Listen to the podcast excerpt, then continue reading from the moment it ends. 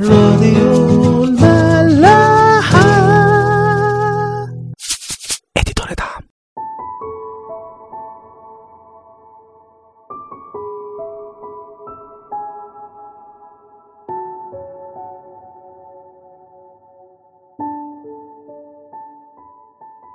مساء الخير واهلا بيكم في حلقة جديدة من عيش وملح مكملين مع بعض سفر عاموس والمرة اللي فاتت قسمنا النبوات لثلاث أجزاء الأنبياء اللي قبل السبي والأنبياء اللي أثناء السبي والأنبياء اللي بعد السبي. عاموس هو واحد من الأنبياء اللي كان قبل السبي. عاموس نفسه معنى اسمه ثقل أو حمل. عاموس كان عايش شايل حمل شعبه تعبان من انحرافات الشعب ومن خطية فاسمه بيدل على الحالة اللي هو كان فيها إن هو دايما كان شايل حملهم ومتضايق بسببهم أو متضايق عشانهم. زي ما اتفقنا المرة اللي فاتت إنه إحنا هنبقى بنتناول السفر على بعضه مش بنفسر آية بآية بس يعني هدفي إنه نفسي نبقى عارفين القصة كلها على بعض حصل فيها إيه الشخصية دي نبقى عارفين عنها أكتر.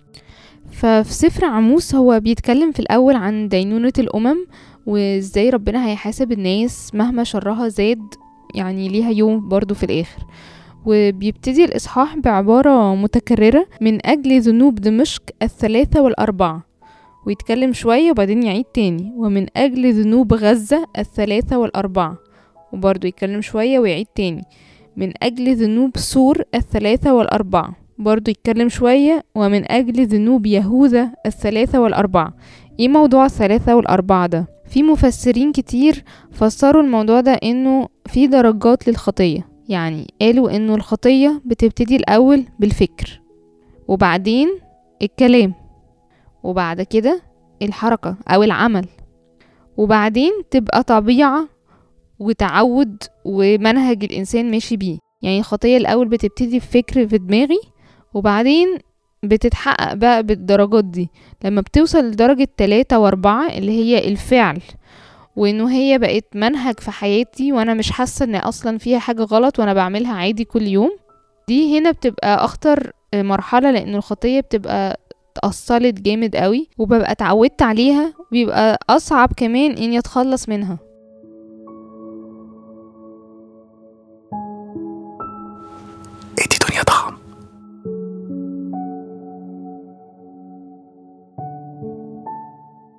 بعد الإصحاح الأول والتاني اللي فيه مينلي بيتكلم عن دينونة الأمم بيدخل في الإصحاح التالت وبيركز على رسائل لشعب إسرائيل.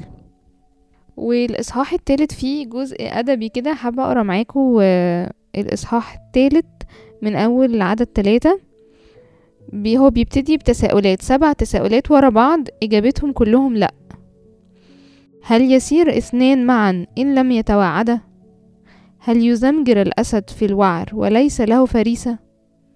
هل يعطي شبل الأسد زئيره من خدره إن لم يخطف؟ هنا كلها أسئلة أسئلة استنكارية. فاكرين ما خدنا الأسئلة الاستنكارية دي في النحو زمان؟ اللي هو سؤال كلنا عارفين إجابته لأ بس اللي هو أنا بفكركوا يعني. يعني في اتنين هيمشوا مع بعض وهما ما فيش ما بينهم وعد. وهنا دي كانت إشارة واضحة للوعد اللي ما بين ربنا وما بينهم. إن هما كسروا الوعد. وبعدين يكمل هل يزمجر الأسد وليس له فريسة؟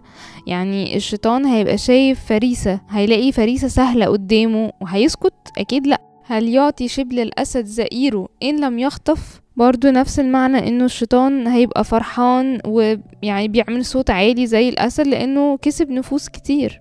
ويكمل تاني هل يسقط عصفور في فخ الأرض وليس له شرك؟ شرك دي مفروض معناها فخ. يعني الفخ اللي بيحطه الشيطان عشان نقع. هل يرفع فخ عن الأرض وهو لم يمسك شيئا؟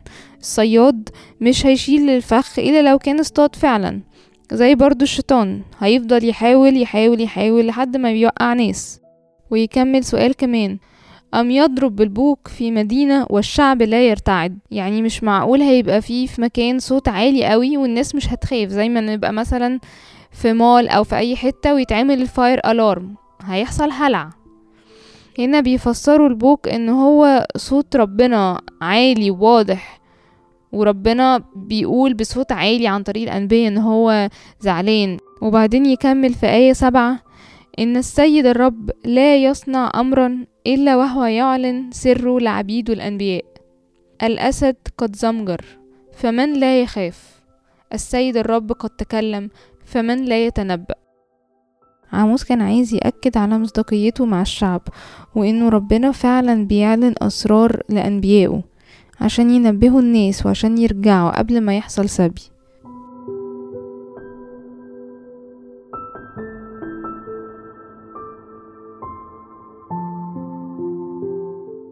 قبل ما نختم حلقتنا عايزة أرجع تاني للجزء الأول بتاع الخطايا التلاتة والأربعة.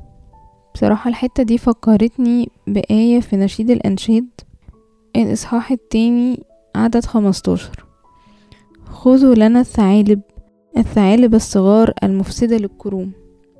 الثعالب الصغيرة اللي هي بتروح داخلة جوه المزرعة وتاكل الثمار أو داخلة جوه قلوبنا. وتقعد تكبر تكبر تكبر لحد ما الخطية تكبر تكبر تكبر. وهي دي اللي بتخلي الخطية تتنقل من المرحلة الأولى اللي هي مجرد فكرة إنها تبقى حاجة بمارسها كل يوم وحاجة عادية. هحكي لكم قصة كده قريتها. بتقول إنه كان في مجموعة من الشياطين عايزين يحركوا برميل كبير قوي بس ما كانوش عارفين لأن هو كان تقيل جدا. فجي شيطان كده صغير وضعيف وقال لهم أنا هتحديكوا إن أنا هعرف أحركه ولوحدي خالص. فكلهم يعني استغربوا قوي وقالوا يعني ماشي تعالى نجرب يعني هتعمل إيه؟ قال لهم أنا هعرف أحركه لوحدي خالص بس هحركه بكرة. فقالوا له ماشي. لقوا إن الشيطان ده راح يعمل خرم صغير في البرميل. ومشي. كلهم يعني قعدوا يقولوا إيه الخرم الصغير ده؟ هيعمل إيه يعني في البرميل؟ هيفيده بإيه إن هو يعرف يحركه؟ تاني يوم جه الشيطان بقى ده وحرك البرميل بكل سهولة. لأن الخرم ده كان خلى الزيت اللي جوه البرميل يقع نقطة نقطة لحد ما فضي خالص وبالتالي البرميل بقى فاضي. والأرض كمان بقت مزحلقة من كتر الزيت فعرف يحركه بكل سهولة. هو ده بالظبط اللي بيحصل معانا إنه بتبقى حاجة صغيرة قوي وبعدين تقعد تأدي لحاجات كبيرة زي مثلا حاجة ما بقاش واخدة بالي منها يعني خطية تافهة لدرجة إن أنا مش هقعد أجاهد فيها. زي ما مثلا أبقى بكتب كتبة بيضة مثلا كتبت كتبة مرة علشان فلان ما يزعلش. وبعدين فلان ده راح قال لحد تاني فبقيت أنا مضطرة أكتب تاني نفس الكتبة. وبعدين بقيت مضطرة ألفق بقى القصة علشان ما يتعرفش إن أنا أصلا كدبت وهكذا يعني فاهمين؟ مواقف كلنا بنقع فيها بس هي دي الثعالب الصغيرة اللي ربنا بيقول لنا ناخد بالنا منها. كمان ساعات بيقولوا إنه الثعالب الصغيرة دي بتبقى الحاجات الصغيرة اللي بنتضايق منها من بعض.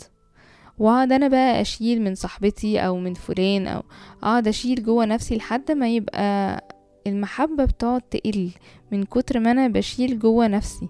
لكن لو أنا بقول أول بأول بقول إنه يا فلان أنا زعلت منك في كذا بتلاقي إن الموضوع خلاص إحنا صفناه وما بقاش فيه كراهية اللي هي أصلا أكتر حاجة الشيطان نفسه فيها إن إحنا ما نبقاش بنحب بعض. زي ما ربنا أصلا وصانا إن إحنا نحب بعض أول وصية وأهم وصية.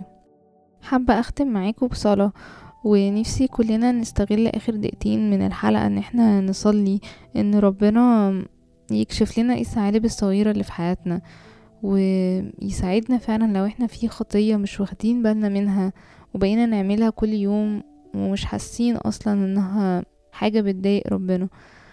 من فضلك يا رب افتح عيوننا يا رب واكشف لنا اللي أنت عايزنا نعرفه يا رب عشان نتغير يا رب ونبقى زي صورتك زي ما أنت عايزنا نكون بالظبط. وأشوفكم الحلقة الجاية.